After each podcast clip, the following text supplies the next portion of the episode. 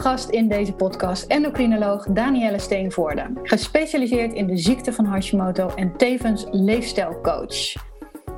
Een unieke combinatie waar ik zelf heel erg happy van word.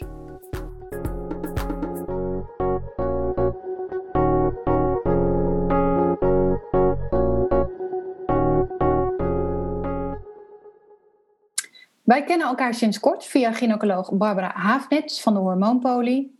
En dit is ook de plek waar jij sinds kort bent toegetreden tot de praktijk. En ik ben werkelijk waar overspoeld met vragen voor jou voor deze podcast. Dus laten we zo snel gaan starten. Maar voor we dat doen, kun jij jezelf misschien aan de luisteraar voorstellen? Ja, dat uh, zal ik doen inderdaad. Leuk uh, dat ik uh, hier bij jou in de podcast nog zijn. Ik heb er veel zin in.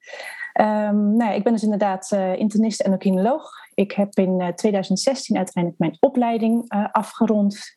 En ik ben um, tot 2019, eind 2019 ook werkzaam nog geweest in het ziekenhuis als endocrinoloog.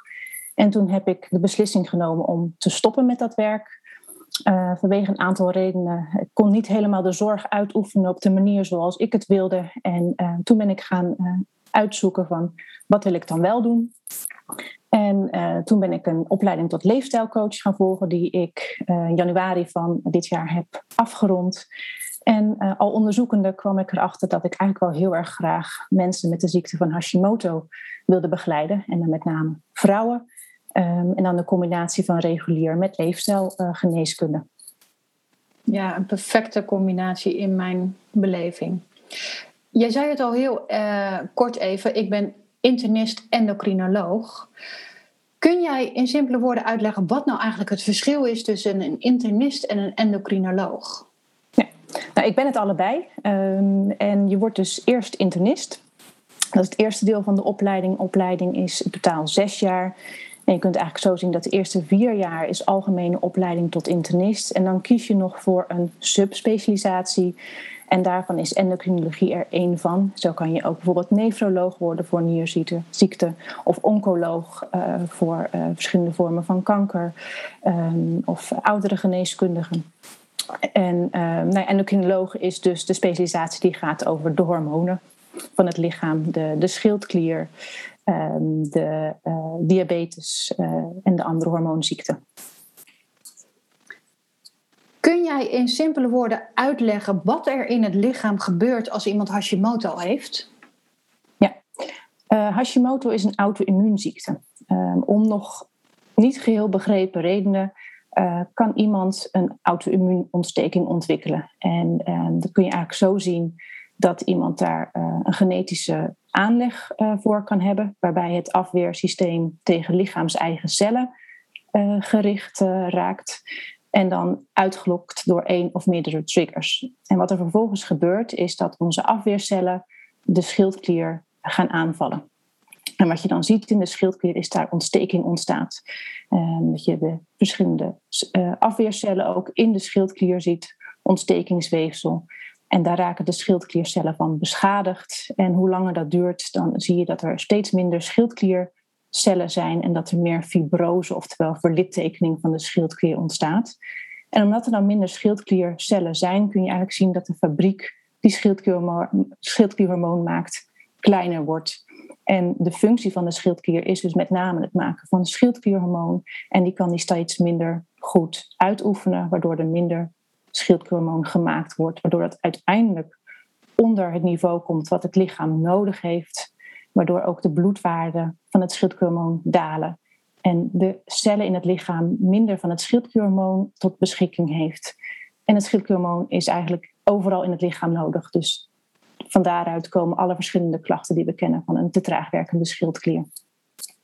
En in jouw praktijk in het ziekenhuis, hoeveel procent van de mensen die jij met schildklierklachten zag, bij hoeveel procent was daar sprake van deze auto-immuunziekte Hashimoto? Dat, uh, het belangrijk daarvan is te weten, is je hebt verschillende ziekenhuizen. Je hebt de uh, tweede lijn ziekenhuizen, de perifere ziekenhuizen.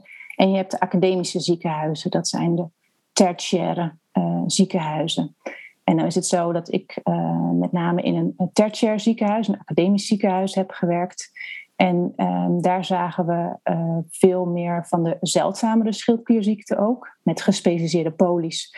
Dus daar kwamen de mensen met schildklierkanker, uh, met verschillende knobbels in de schildklier. Um, verder heb ik mensen met een struma, oftewel een vergrote schildklier gezien. De ziekte van Graves en ook de ziekte van Hashimoto. Um, de kleinere ziekenhuizen, dus de perifere tweede lijn ziekenhuizen, die uh, zien in verhouding meer mensen met de ziekte van Hashimoto dan de academische ziekenhuizen. De academische ziekenhuizen hebben uh, op een gegeven moment zeggen die ook van ja, de gewone Hashimoto's, de gewone traagwerkende schildklier, die moeten eigenlijk meer naar de perifere ziekenhuizen, zodat wij meer tijd en ruimte overhouden voor de zeldzamere uh, aandoeningen van de schildklier. Hè. Dus de, niet ieder ziekenhuis kan uh, schildklierkanker behandelen. Uh, we weten natuurlijk dat Hashimoto de meest voorkomende schildklierziekte is. Um, uiteindelijk zag ik nog wel een aanzienlijk deel van de mensen met uh, ziekte van Hashimoto op mijn polio. Maar dat is lastig om dat in een percentage uit te drukken. Want je had hele gespecialiseerde polies met alleen schildklierkanker of de gewone algemene endocrinologie poli. Um, maar zou het zijn van de buiten de, de, de schildklierkanker zou misschien ongeveer de helft of zoiets nog met Hashimoto zijn. Helder. En toch kies jij er nu voor om je echt te gaan specialiseren in uh, behandeling en begeleiding van mensen met de ziekte van Hashimoto. Hoe ben je op die keuze gekomen? Um, dat is uiteindelijk een gevoelskeuze geweest. Um, toen ik uh, beslissing heb genomen om te gaan stoppen in het ziekenhuis, ben ik iets gaan doen wat uh, mensen en vooral vrouwen ook meer zouden mogen gaan doen, is naar hun gevoel gaan luisteren. Um, en toen kwam ik erachter van ja, ik, ik voel me toch eigenlijk wel erg getrokken tot deze patiëntengroep. Um, omdat er toch ook wel veel mensen zijn met aanhoudende klachten.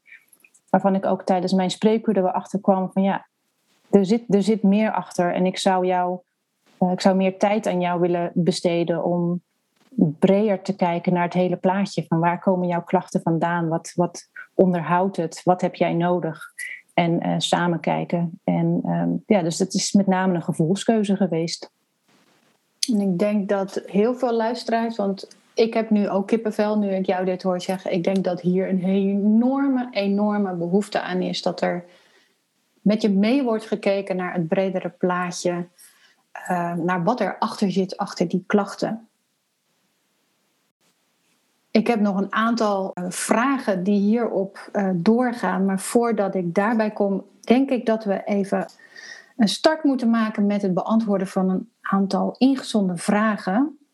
Um, en die gaan met name over de begeleiding van Hashimoto door een endocrinoloog. Dus ik hoop dat je ons daarmee kan helpen.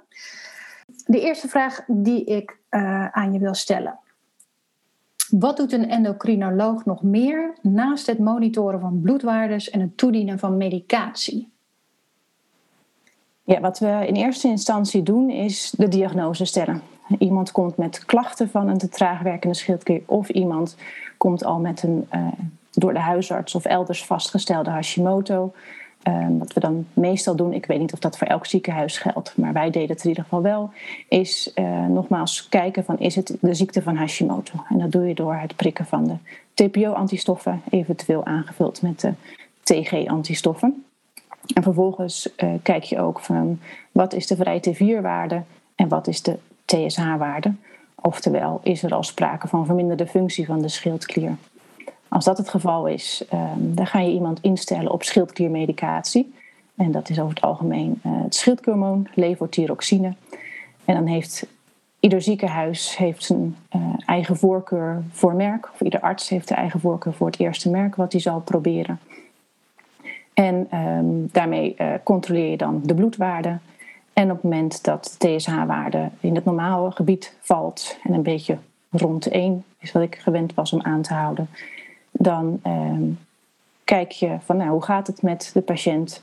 En over het algemeen is het idee dan als de diagnose is gesteld, medicatie is gestart en de TSH-waarde valt in het normale gebied, is het weer terugverwijzing naar de huisarts met het advies om de schildklier uh, jaarlijks dan wel bij klachten te vervolgen. Uh, dan heb je natuurlijk een groep patiënten die zegt van ja, ik voel me nog steeds niet goed. En dan is over het algemeen het beleid om te kijken van zijn er nog bijkomende aandoeningen Het zijn met name natuurlijk de klachten van vermoeidheid ehm, en ehm, nog problemen met het gewicht. Dus wat er dan meestal geprikt wordt, is te kijken van is er een bloedarmoede, is er um, een ijzertekort, hoe zit het met vitamine B12 en is er bijvoorbeeld nog sprake van celiakie. Op het moment dat die waarden dan ehm, ook goed zijn, uh, dan volgt over het algemeen, um, denk ik bij de meeste internisten in het ziekenhuis, het advies uh, om toch terug te gaan naar de huisarts. Want de schildklierwaarde is goed ingesteld en er zijn geen andere aandoeningen gevonden. Uh, dus ja, dit is toch een kwestie van mee leren leven met deze klachten. Ik denk voor veel luisteraars een herkenbaar advies uh, wat is gegeven. Ik hoor jou een aantal bloedwaarden opnoemen die worden gecheckt, maar vrije T3 of T3 hoorde ik even in dit rijtje niet. Wat doen jullie daarmee? Eigenlijk niks. Um, de vraag is ook een beetje wat, um, wat is de meerwaarde ervan? Uh, T3 is ook wel wat lastiger te bepalen, omdat de waarde wat, uh, wat, meer schommelend is dan een uh, T4-waarde. En um, de vraag is van wat, stel dat iemand een wat verlaagd T3 heeft, maar hij heeft geen aanhoudende klachten. Of iemand heeft nog steeds aanhoudende klachten en het T3 valt in het normale gebied. Wat verandert dat je beleid? En dat is altijd belangrijk om bij ieder onderzoek wat je overweegt na te denken van wat gaat dat aan mijn beleid veranderen. Uh, persoonlijk vind ik het ook uh, belangrijker om te kijken van wat zijn iemands klachten? Uh, wat zegt het lichaam over hoe eh, het gaat met iemand? dan de bloedwaarde. Um, op zich inderdaad, als je het zou prikken, ik heb het ook wel regelmatig geprikt en je ziet een heel duidelijk verlaagde waarde. Dat helpt wat meer bij het plaatje van hè, mogelijk komt het door wat laag T3 dat iemand die klachten heeft. maar ik kan het ook zonder die waarde. Het controleren op de T3-waarde en ook het inzetten van T3-medicatie is dus ronduit nogal omstreden. De ene arts wil het wel proberen en controleert wel T3, de ander niet. Sommige huisartsen of endocrinologen vinden het zelfs compleet onzin. En in de schildklierrichtlijnen van de huisarts, dat is degene die ik heb eh, bekeken, staat T3-medicatie als optie vermeld voor mensen die ondanks goede bloedwaarden toch nog restklachten houden, maar dan wel in een proefperiode van drie maanden. Kortom, hoe zit het nu? Waar wordt de keuze op gebaseerd om wel of niet zo'n proefperiode van drie maanden met T3 schildkliermedicatie uh, te starten? Is dat op basis van persoonlijke voorkeur van de arts of op basis van uh, de T3 bloedwaarden als die worden gecontroleerd? Kun je daar je licht op schijnen? Wanneer zou jij bijvoorbeeld zelf prikken op T3 of eh, T3-medicatie overwegen? Het is denk ik met name bij de meesten nog een persoonlijke voorkeur. Uh, ik weet ook nog dat gedurende mijn opleiding is de richtlijn voor uh, internisten en criminologen is ook gewijzigd. Aanvankelijk stond het erin dat uh, stond T3 er niet als optie in. En dat is er op een gegeven moment wel ingekomen om dat te overwegen. Um, ook al is er dan nog geen duidelijk wetenschappelijk bewijs voor, omdat een groep patiënten zich daar toch baat bij heeft, kan dat overwogen worden. en er is nog steeds een grote groep met artsen die het niet doet, omdat er geen duidelijk bewijs voor is. En er is een grote groep met artsen die dat inmiddels wel doet. En dat heeft denk ik ook te maken met hoeveel ervaring heb je ermee. Uh, want je moet ook weten hoe ga je het, uh, welke verhouding ga je het doen, hoe ga je het aanpakken, hoe ga je het controleren. En ik denk dat uh, als een arts dat eenmaal een aantal keer heeft gedaan en er meer ervaring mee heeft, dan is het ook makkelijker. Wanneer ik het zelf zou doen, en wanneer ik het ook in het ziekenhuis deed, um, is op het moment dat iemand eigenlijk zo optimaal mogelijk is ingesteld op T4-behandeling. Um, en dan nog aanhoudende klachten heeft, dan wil je eigenlijk verder kijken. En als je dan het hoofdstuk medicatie bekijkt, wat kun je daar verder doen? Dan kun je of uh, een ander merk proberen als mensen daar mogelijk klachten van hebben, of je kan inderdaad de combinatietherapie overwegen. Um, persoonlijk um, doe ik dat altijd in overleg met de patiënt zelf. Als iemand daar zelf uh, een voorkeur voor heeft om dat uit te proberen, Ehm, en we zien van hè, met optimale T4-therapie heb je nog klachten, ja, dan ga je dat uitproberen. Het is geen heilige graal. Het is niet zo van het, het, werkt perfect. Het is de oplossing voor iedereen. En het heeft natuurlijk ook nadelen, want het feit dat je weer gaat veranderen van medicatie zorgt natuurlijk ook weer voor schommeling en voor weer opnieuw zoeken naar een nieuwe instelling. Ehm, maar het is zeker iets uh, wat ik, waar ik voor open sta om dat bij iedereen te proberen. Want er zijn inderdaad mensen die daar uh, zich beter bij voelen. En dan uh, kun je heel mooi samen daarmee aan de slag. om te kijken van met zo'n proefbehandeling, of dat nou drie maanden is of zes maanden, dat doe je natuurlijk ook in overleg met je patiënt. Van werkt dit voor jou? Of na het voor een groep patiënten is het, ja, nee, het werkt toch niet. Dan ga je weer terug naar alleen T4 en ga je naar andere behandelmogelijkheden kijken. Helder. En ik hoor jou ook zeggen dat er op dit moment nog te weinig wetenschappelijk bewijs is voor het nut uh, van T3-medicatie voor um, patiënten met restklachten. Nu weet ik dat er eind vorig jaar volgens mij een wetenschappelijk onderzoek is gestart door twee Nederlandse artsen. Uh, uit mijn hoofd van het Erasmus en het Radboud um, ziekenhuis. En volgens mij onderzoeken die ook onder andere dit uh, onderwerp. Of T3 wel of niet een mogelijk voordeel kan hebben voor deze doelgroep. Uh, volgens mij loopt dat onderzoek ook vier jaar lang zelfs. Best een groot onderzoek. Uh, persoonlijk ben ik er heel blij mee, want wie weet komt daar uh, voor de Hashimoto community goed nieuws uit dat het eindelijk bewezen wordt dat het mogelijk kan helpen, waardoor de weg een beetje open gaat. Zodat ook artsen die nu nog sceptisch zijn, misschien ook het gaan proberen. Wat vind jij van dit onderzoek? Ja, ik vind het ook een, een mooi onderzoek en ik ben ook erg benieuwd naar de resultaten. Het is inderdaad vanuit het Erasmus uh, opgestart en ze gaan duizenden patiënten inderdaad bekijken. En zij zeggen ook wat zij anders willen doen dan de eerdere onderzoeken. is de patiënten naar specifieke groepen kijken. Hè, er is bijvoorbeeld een, een belangrijk onderzoek van meerdere jaren geleden, waarin ze mensen met de ziekte van Hashimoto eh, of met een traag werkende schildklier, sorry, ik zeg het verkeerd, um, hebben opgedeeld in een groep die placebo kreeg en een combinatietherapie. En daar zat geen verschil in die beide groepen. En wat ze vanuit Erasmus zeggen is eigenlijk van ja, wij gaan wat specifieker kijken naar de patiëntengroep. We nemen dan de patiëntengroep die nog steeds aanhoudende klachten heeft. Die gaan we verdelen in een groep voor placebo en een groep voor combinatietherapie. En daarbij gaan we kijken van zit er dan wel uh, verschil in als je mensen combinatiebehandeling geven. En ze gaan ook naar aanvullende dingen kijken van ja, voor de groep bij wie het helpt, kunnen we daar dan nog iets vinden in het bloed of in de opname uh, van het uh, schildklierhormoon in de cel, et. Kunnen we daar nog iets vinden wat daar het verschil is en wat zou kunnen verklaren waarom er mensen zijn die dit beter kunnen hebben. Vervolgens wel de vraag, ja, stel dat uit dat onderzoek komt dat er geen duidelijk verschil is, geen significant verschil. Wat ga je dan doen? Zeg je dan niemand meer combinatietherapie? Of hou je het dan nog steeds zoals nu? Van ja, als er mensen zijn die zich er beter bij voelen en het heeft verder uh, geen kwalijke bijwerkingen, hou je het dan nog steeds zoals nu?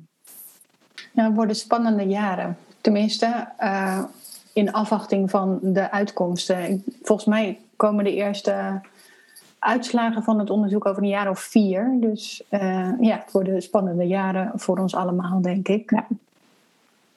Ik pak nog even wat vragen van luisteraars en uh, volgers erbij. Mijn huisarts vindt het niet nodig om te weten of ik Hashimoto heb. Een traag schildklier behandel je gewoon met medicatie.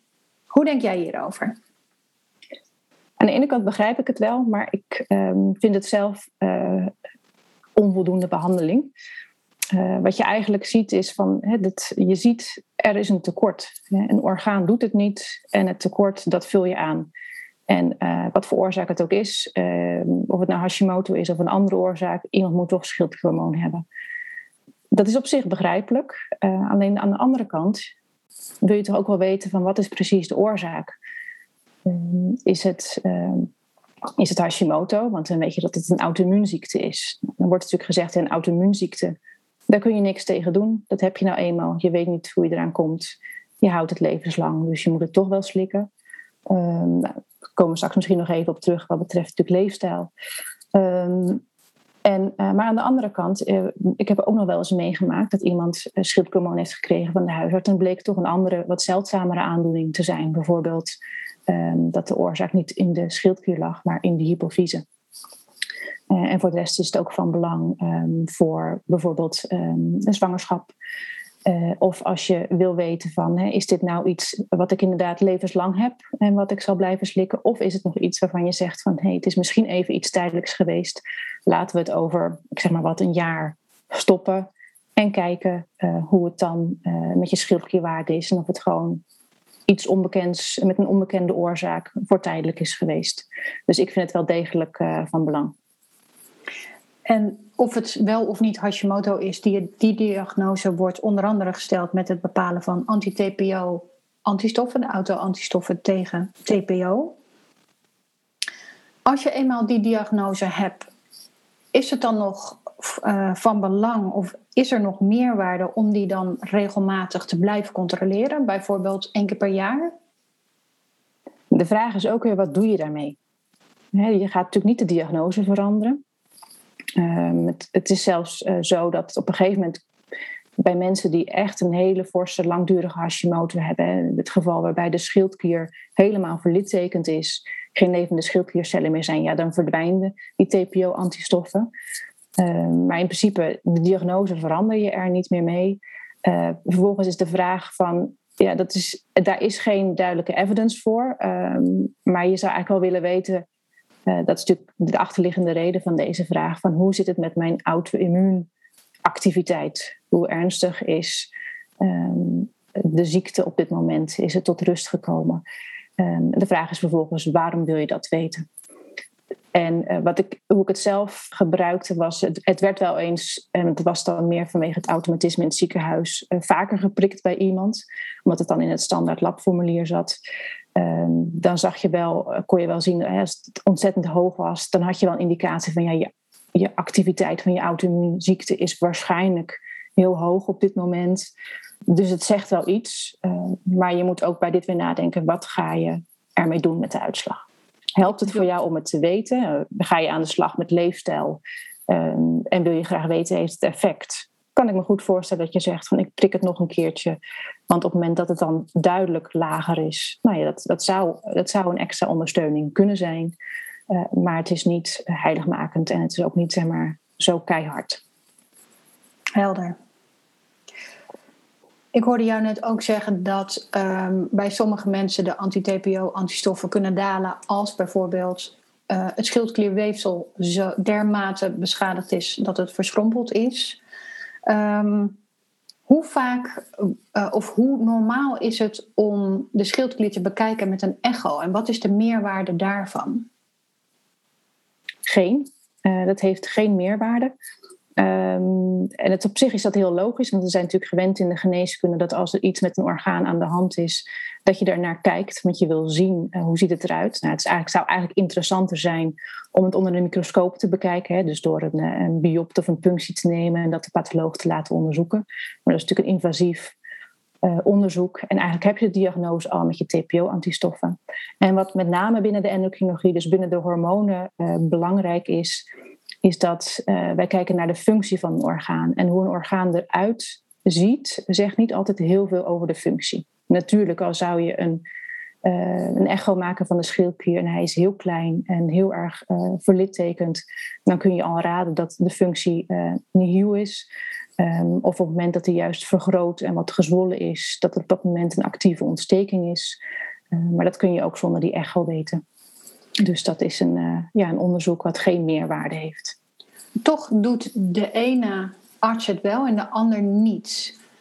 Waar, op basis waarvan wordt die keuze dan gemaakt? Is dat ook een persoonlijke voorkeur? Ik denk eerlijk gezegd, want ik ken geen reden om bij Hashimoto ehm, een echo te maken. Ik denk eerlijk gezegd dat er dan iets anders speelt. Dat er nog een bijkomende klacht is. Bijvoorbeeld dat mensen zeggen van ik heb het gevoel dat er een knobbel in mijn uh, nek zit. Als er bijvoorbeeld een schildklierknobbel zou kunnen zitten. Of als een huisarts dat gevoeld heeft. Dan wil je toch weten, is dat een kieste? Of is dat gewoon een vergrote schildklier? Of is dat een knobbel waarvan je de cellen zou willen onderzoeken? Of als iemand zegt, ja, ik heb mijn schildklier zo vergroot, of ik heb een zwelling in mijn nek zitten, dan wil je weten, is dat de schildklier? En zo ja, hoe groot is die dat? Maar ah. puur voor de diagnose Hashimoto en het instellen op medicijn is het niet nodig. Oké, helder. Nog een ingezonde vraag. Wanneer kun je een verwijzing naar een endocrinoloog aan je huisarts vragen? En wat is de meerwaarde hiervoor voor de cliënt of voor de patiënt? Ik denk dat het uh, met name van belang is op het moment dat, je, er twijfel is over de diagnose.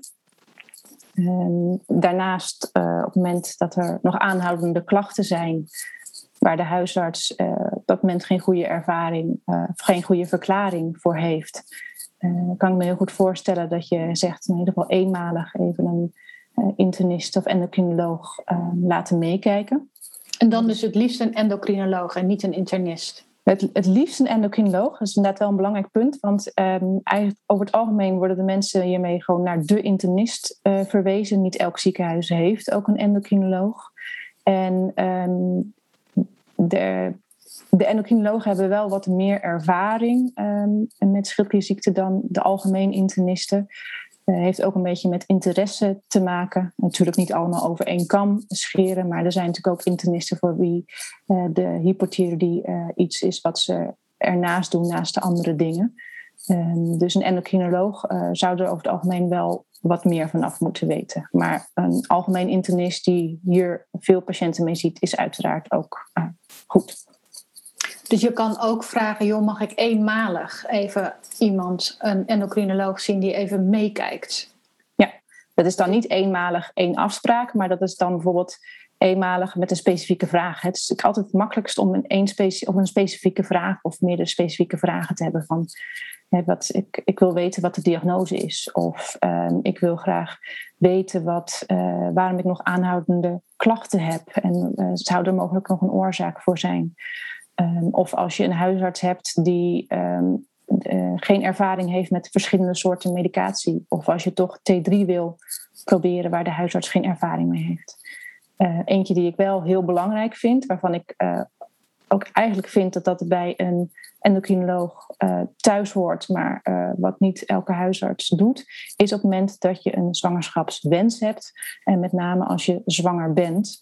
want niet elke huisarts weet dat je op het moment van een positieve zwangerschapstest eigenlijk direct je medicatie moet verhogen met uh, ongeveer een kwart tot een derde van de dosering. Uh, dus het gebeurt nog steeds in Nederland. Ik weet niet hoe vaak, maar ik denk uh, veel vaker dan we willen um, dat dit niet opgehoogd wordt in het begin van een zwangerschap. En dat ook niet iedereen weet dat puur door het hebben van Hashimoto en TPO-antistoffen dat je wat verminderde kans hebt op een, uh, op een zwangerschap. Dus dat is, denk ik, misschien nog wel de belangrijkste reden om je te laten doorverwijzen. En dat is dus gelijk ook nog een goede reden om te zorgen voor een goede diagnose. Als jij een kinderwens hebt, dan is het belangrijk om te weten of jouw traagschildklier veroorzaakt wordt door Hashimoto of niet. Omdat met Hashimoto er een verhoogde kans is op moeilijkheid van zwanger worden en zwanger blijven. Klopt dat? Ja, absoluut. Ja.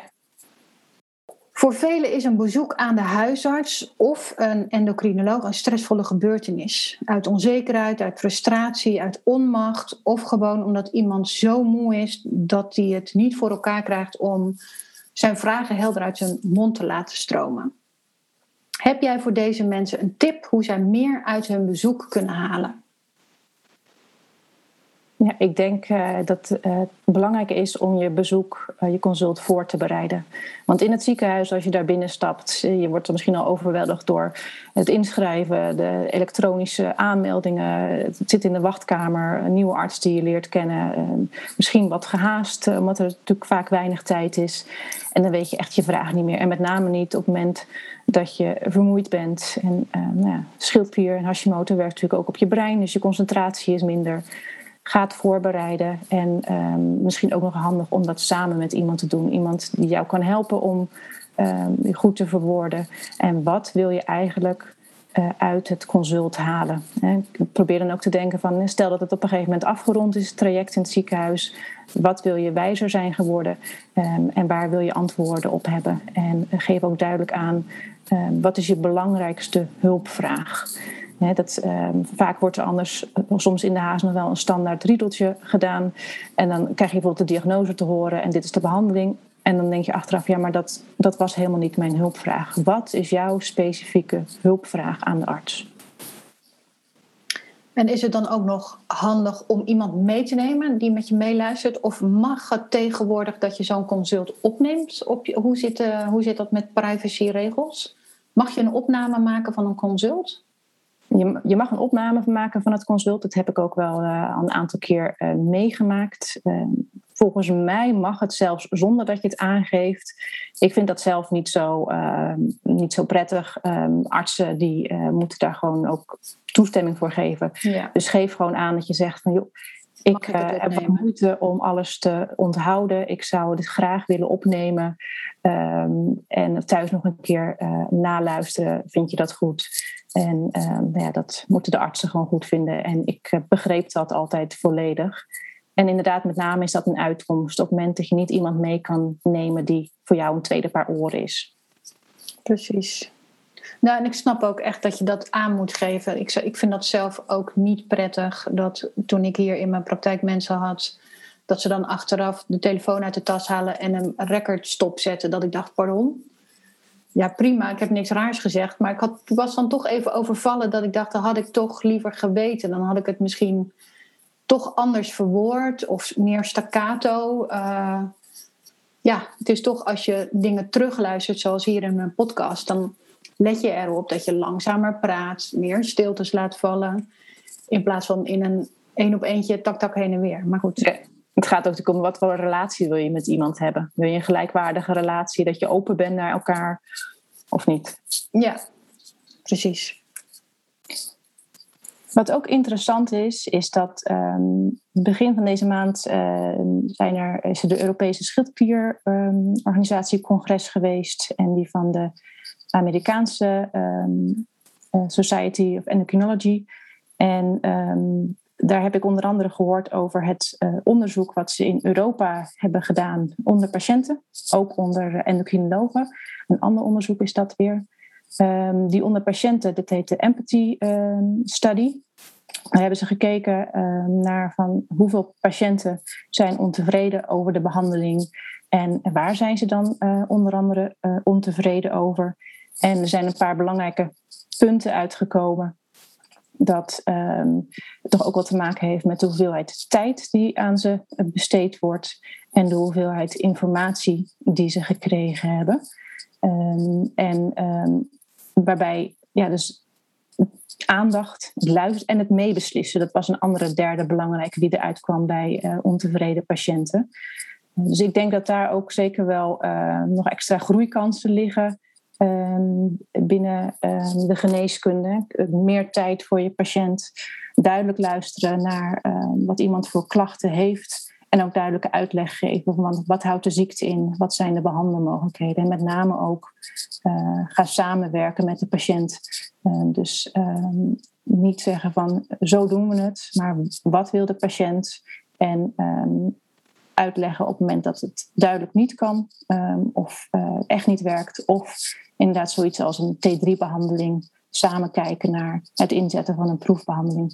Ik denk dat hele belangrijke uh, dingen zijn. Uh, waar uh, zeker nog uh, bij een aantal artsen beter kan. Dus het zou mooi zijn als dat met behulp van onder andere dit onderzoek verbeterd gaat worden. Um, dus ja, dus daar is naar gekeken. Voor de rest um, was er ook aandacht voor uh, de verschillende vormen uh, van schildklierhormoonbehandeling. Is de levothyroxine en natuurlijk ook de, vloeibare en de capsulevorm.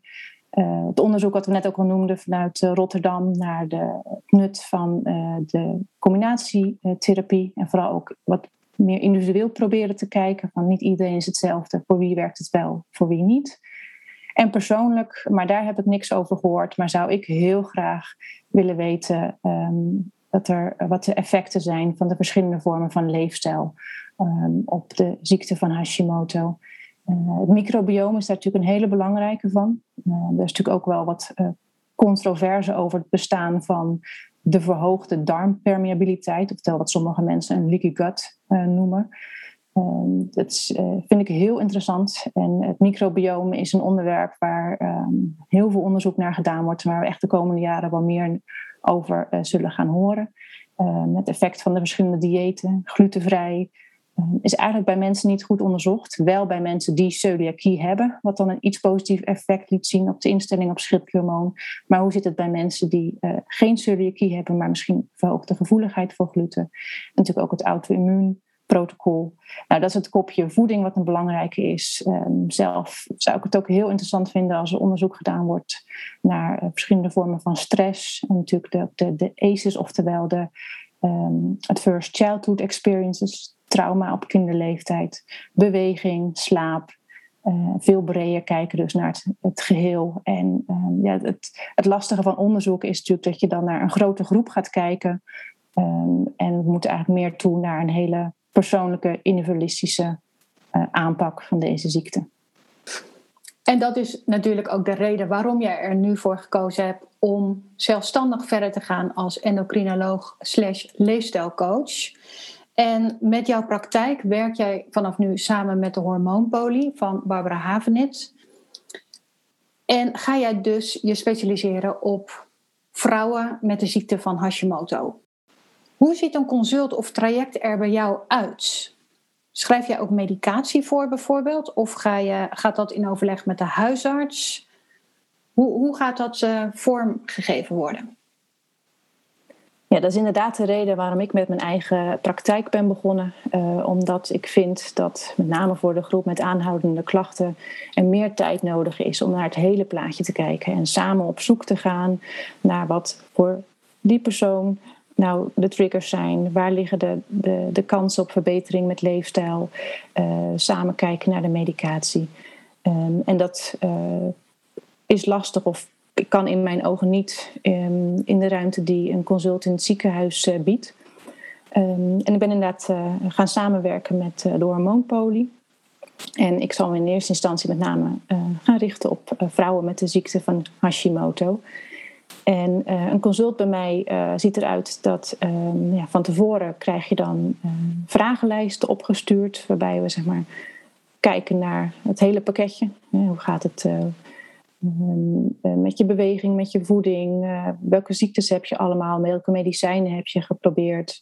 Uh, hoe was het vroeger? Dus eigenlijk op zoek ook naar de triggers. Wat is je hulpvraag? Um, nou ja, dat is de voorbereiding. Eventueel alle onderzoeken die al eerder zijn gedaan bij de huisarts of in het ziekenhuis. kunnen meegestuurd worden, zodat we dat van tevoren, voor het eerste consult, kunnen bekijken. Um, dat maakt al dat al een behoorlijk goed beeld kan hebben van je gezondheid um, en je klachten. Nou, en dan tijdens het eerste consult hebben we meer tijd dan in het ziekenhuis. Uh, ga ik je gewoon um, aanvullende vragen stellen die met de vragenlijsten nog niet uh, naar boven zijn gekomen.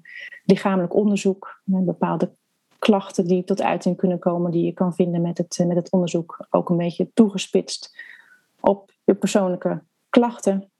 Um, aanvullend bloedonderzoek.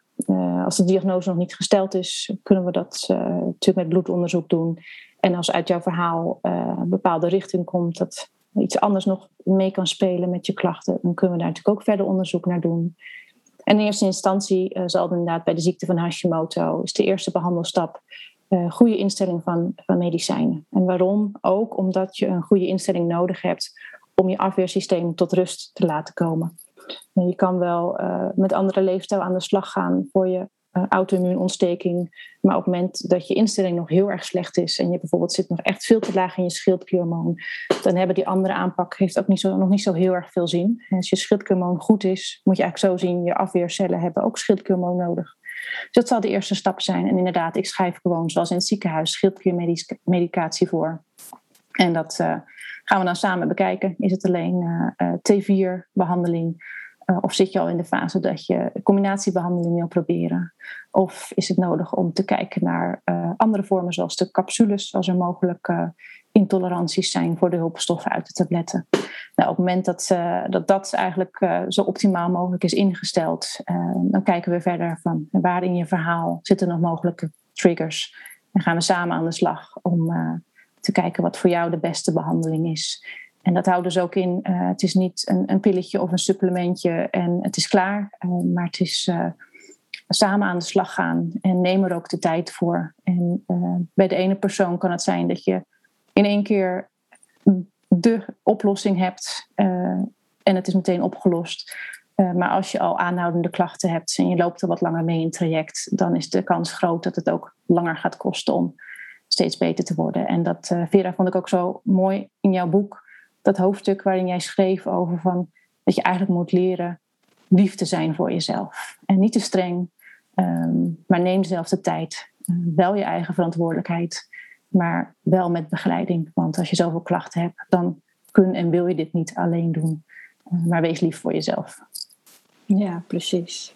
Nou, ik ben echt zo blij dat deze optie er nu eindelijk is. Ehm, want ik denk dat juist de combinatie van uh, medicatie, uitleg, maar ook kijken naar de triggers, wat gebeurt er in je leven en daarmee aan de slag gaan.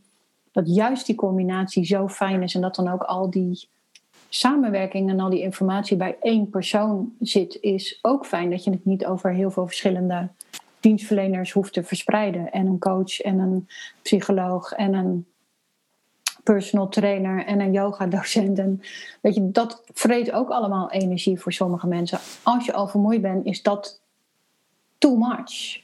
En dan is het heel fijn als je kan starten met één iemand die je op meerdere vlakken even gelijk een goede richting op kan gaan liefdevol duwen.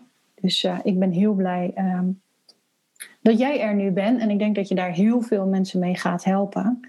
Nog even een praktische vraag. Als mensen nu denken van zo, die Danielle, die wil ik hebben. Uh, ik wil dat zij met mij mee gaat kijken uh, op mijn pad. Kunnen zij een verwijzing naar jou krijgen via hun huisarts? Kunnen zij rechtstreeks contact opnemen met de hormoonpolie? En zijn daar uh, vergoedingen voor? Hoe, hoe werkt dit?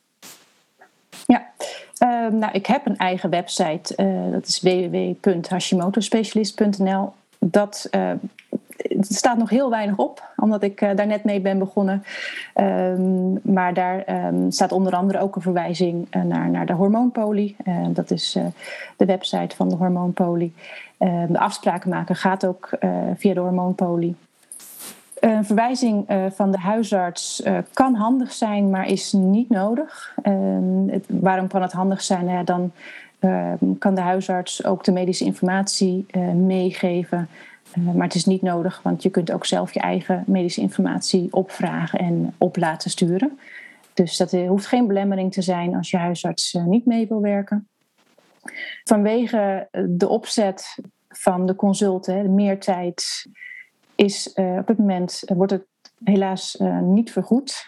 met het verzekeringssysteem met de DBC's in Nederland maakt het gewoon heel erg lastig om dat buiten een ziekenhuis te doen. Ehm, dus dat is het, het nadeel van, van dit plaatje. Ehm, ik ben zelf begonnen wel met een opleiding om hopelijk aan het eind van dit studiejaar een aantekening te krijgen, waardoor ik wel binnen de aanvullende geneeskunde um, ga vallen qua pakketten. Maar op dit moment uh, helaas nog geen vergoeding, maar je krijgt er uh, uh, meer voor terug dan in het ziekenhuis.